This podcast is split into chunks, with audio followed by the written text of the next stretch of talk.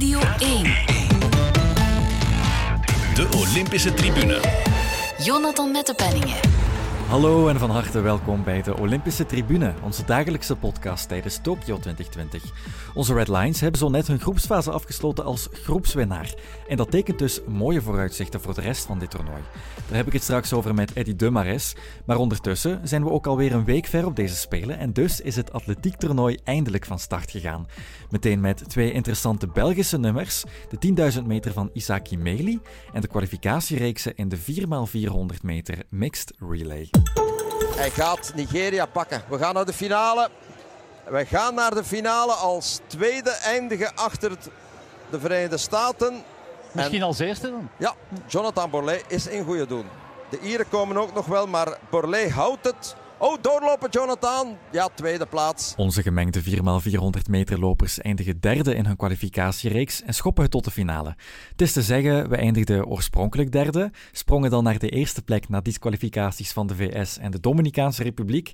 En vier uur later werden die beslissingen doodleuk teruggedraaid en gaan we toch als derde door, met de zevende tijd uit de twee reeksen. Bij dat nieuws lag Bert Sterks al in zijn bed, dus ik laat zijn hallo wel nog eens klinken. Hey, dag Jonathan. Maar dit interview werd dus om twee uur opgenomen voor de laatste feiten. Die derde plek, die uiteindelijk de eerste werd, hebben we sterk te danken aan Jonathan Borlée, die als slotloper een serieuze inhaalrace voltrok. En opvallend, dat in zijn eerste wedstrijd van het seizoen. Ja, ja niet, hij niet alleen natuurlijk, hè, want ook uh, in Vervaat, die plots laatste liep op een bepaald moment na de stokwissel. En uh, Camille hadden ook al wel plaatsen goed gemaakt, maar inderdaad, uh, Jonathan Borlée heeft, heeft een heel goede race gelopen het was een klein beetje vertekend, omdat dat, op een bepaald moment kwam hij de Nigeriaanse tegen. Zij kozen voor een andere volgorde met een vrouw als slotloopster. Waardoor het wel leek dat hij sneller ging. Maar het verschil tussen een man en een vrouw en zo'n 4x4 mixed is ongeveer 6 seconden over een baanronde. Dus dat gaf een beetje een vertekend beeld, maar niettemin heeft hij wel een, een, voor een eerste race van het seizoen een heel goede wedstrijd gelopen. België naar eigenlijk de tweede plaats gebracht. Hè? Want uh, als zij niet inhoudt op het einde, was België in die fotofinish was zelfs niet nodig geweest. Dan waren ze gewoon tweede geweest voor de uh, Dominicaanse Republiek. Maar uiteindelijk maakt het niet veel uit, want ze liggen er uh, nee, sowieso. Maar het was wel een beetje vreemd dat hij zomaar inhoudt. Want was hij dan dood of was hij op? Of was hij... Nee, hij was niet op. Dat gevoel had ik niet. Ja, ik denk nee, dat hij... Niet. Daarom vond ik het vreemd. Uh, het gevoel had dat hij het onder controle had om derde te worden sowieso, dat Ja. hij top drie binnen was, en dat was ook wel het geval, maar dat hij niet had verwacht dat die uh, Dominicaan nog zo kort bij hem zat. Dus ja, daardoor verliezen ze, verloren ze op dat moment een plek, De- gelukkig zonder erg, maar ik denk niet dat, dat het nog erger had kunnen worden dan dat, dat, dat hij, uh, had hij wel onder controle. Nee, en dat heet dan zelfvertrouwen. Omschreef zichzelf onlangs als de Axel Witsel van de 4x400 meter, omdat hij ook zonder wedstrijdritme in het toernooi zou moeten stappen. Maar het was toch zijn, zijn tweelingbroer die, die in zijn plaats verwacht werd vandaag.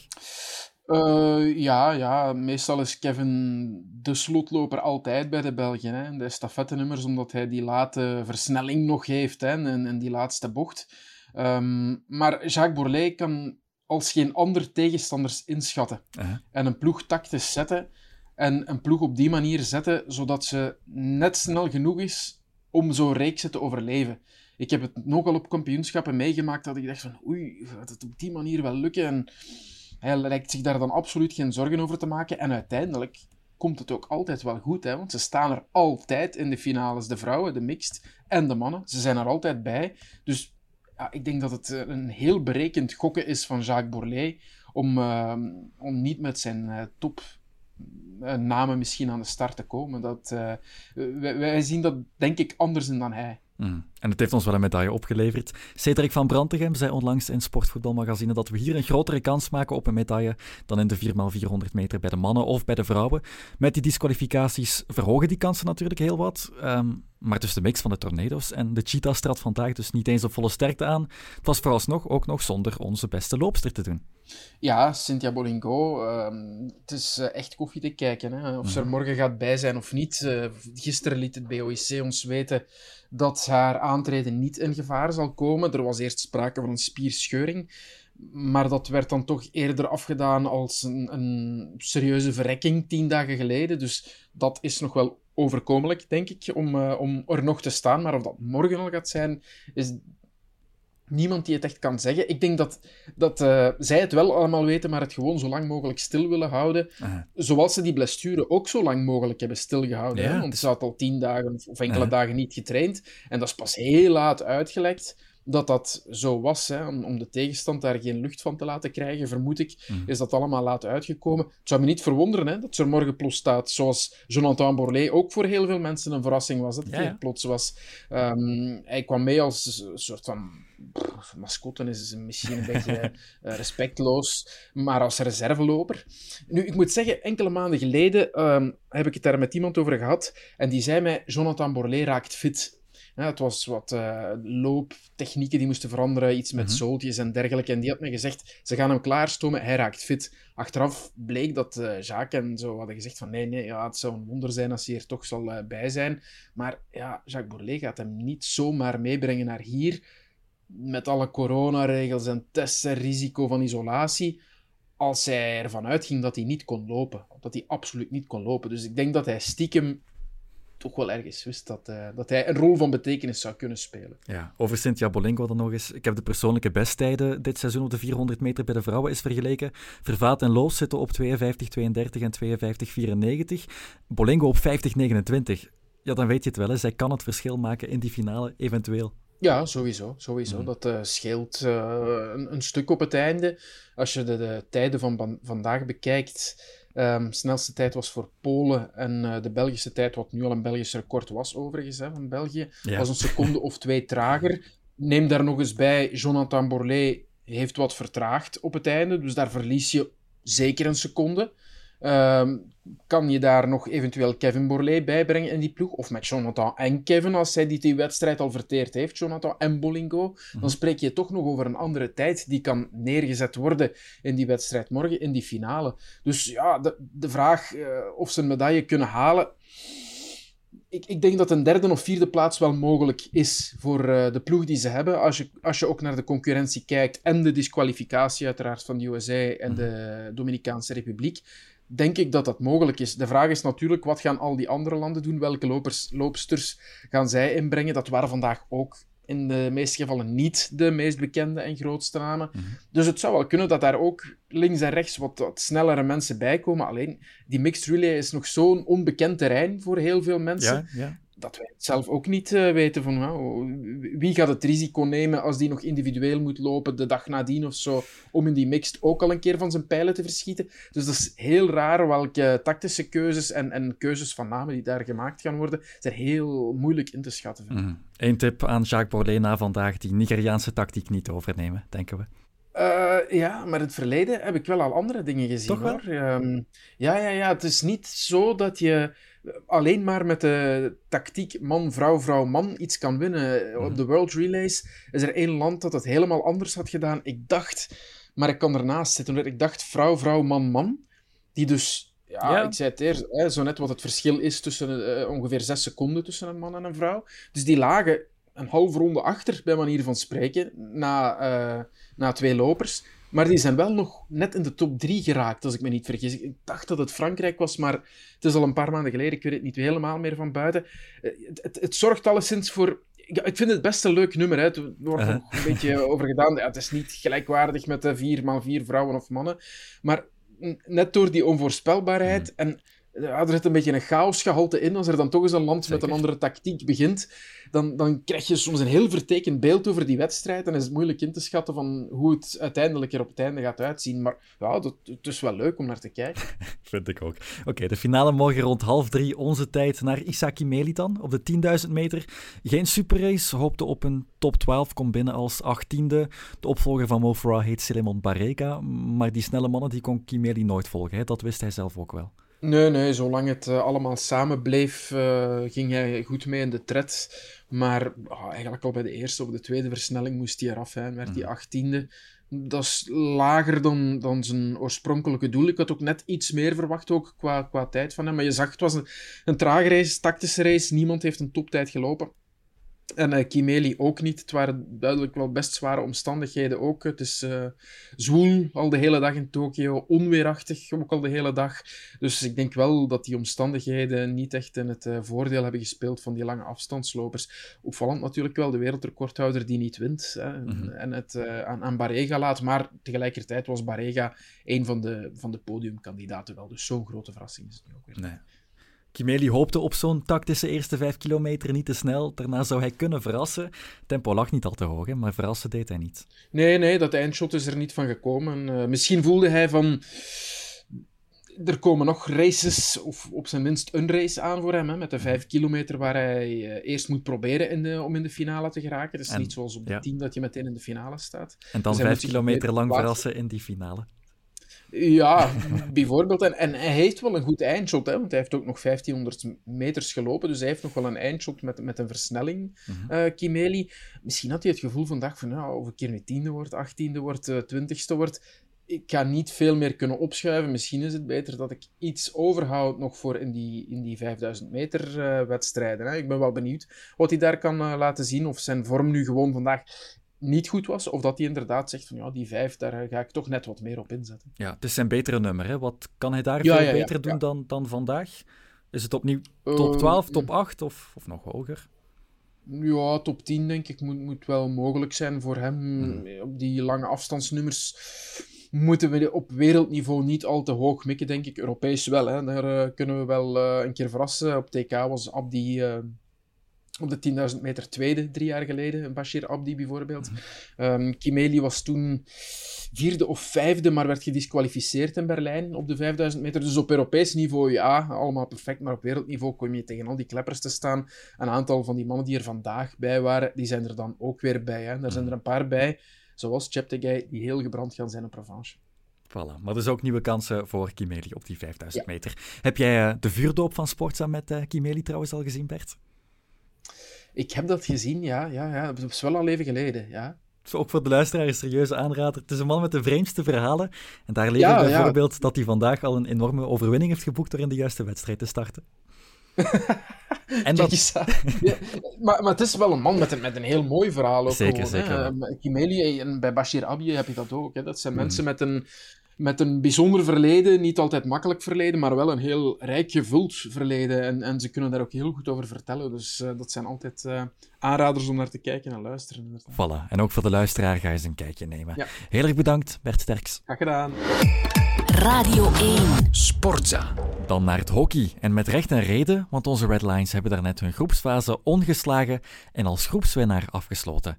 Het was even wat moeilijk tegen Groot-Brittannië, maar ook wanneer de Lions hun niveau niet halen, zijn ze niet te kloppen.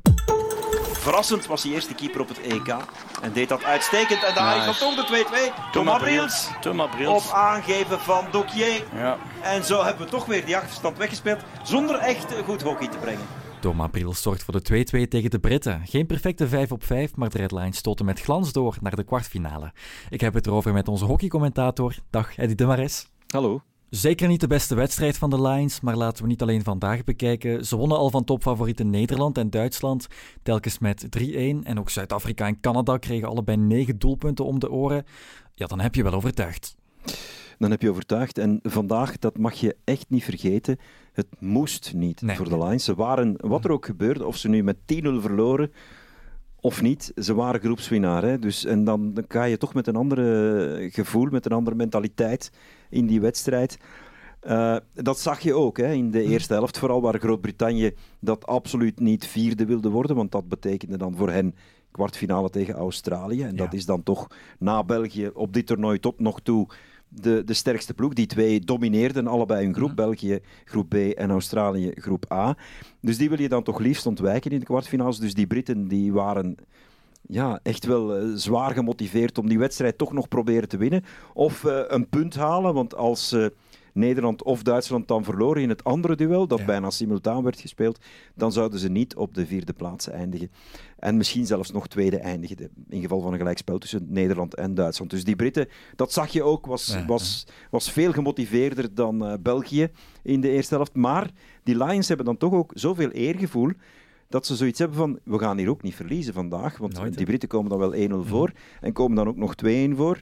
Maar dan zie je toch dat de Lions, als het nodig is, hun spel wat beter maken, hun niveau wat optrekken en er dan toch voor zorgen dat het geen nederlaag wordt. En dat was eigenlijk het enige wat ze wilden vandaag.